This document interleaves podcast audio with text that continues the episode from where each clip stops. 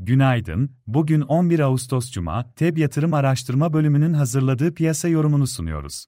Dün açıklanan Amerika tüfe verisi beklentilere paralel gerçekleşti. Bir yıldan uzun süredir gerileyen yıllık enflasyon Temmuz ayında ilk kez yükseldi, ancak çekirdek enflasyondaki genel düşüş eğilimi devam etti.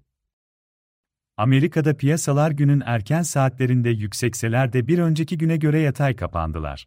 Dow Jones %0.2 Nasdaq %0.1 artarken, S&P sadece 1 puan yukarıda kapanış yaptı.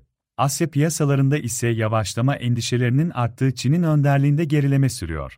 Şanghay Endeksi %1.7, Hang Seng %0.8 oranında gerilerken, Nikkei Endeksi %0.8 artıda. Bu sabah itibarıyla Amerika vadelilerinde yatay seyir hakimken, Avrupa vadelileri satıcılı işlem görüyor.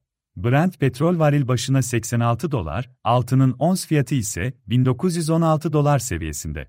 Bugün global piyasalar Türkiye saati ile 15, 30'da açıklanacak Temmuz ayı Amerika üfe verisi ile Türkiye saati ile 17'de açıklanacak Ağustos ayı Michigan Güven Endeksini takip edecek. Yurt içinde ise saat 10'da cari işlemler dengesi, perakende ticaret verileri açıklanacak. Özellikle öğleden sonra satıcılı bir seyrin izlendiği Borsa İstanbul'da XU100 endeksi perşembe gününü %2.1 düşüşle 7442 puandan tamamladı. Dolar bazında endeks ise 274 dolar seviyesine geriledi. BIST 100 endeksinde direnç olarak 7550 ve 7700 seviyelerine bakılabilir, desteklerimiz 7300 ve 7170 seviyelerinde bulunuyor.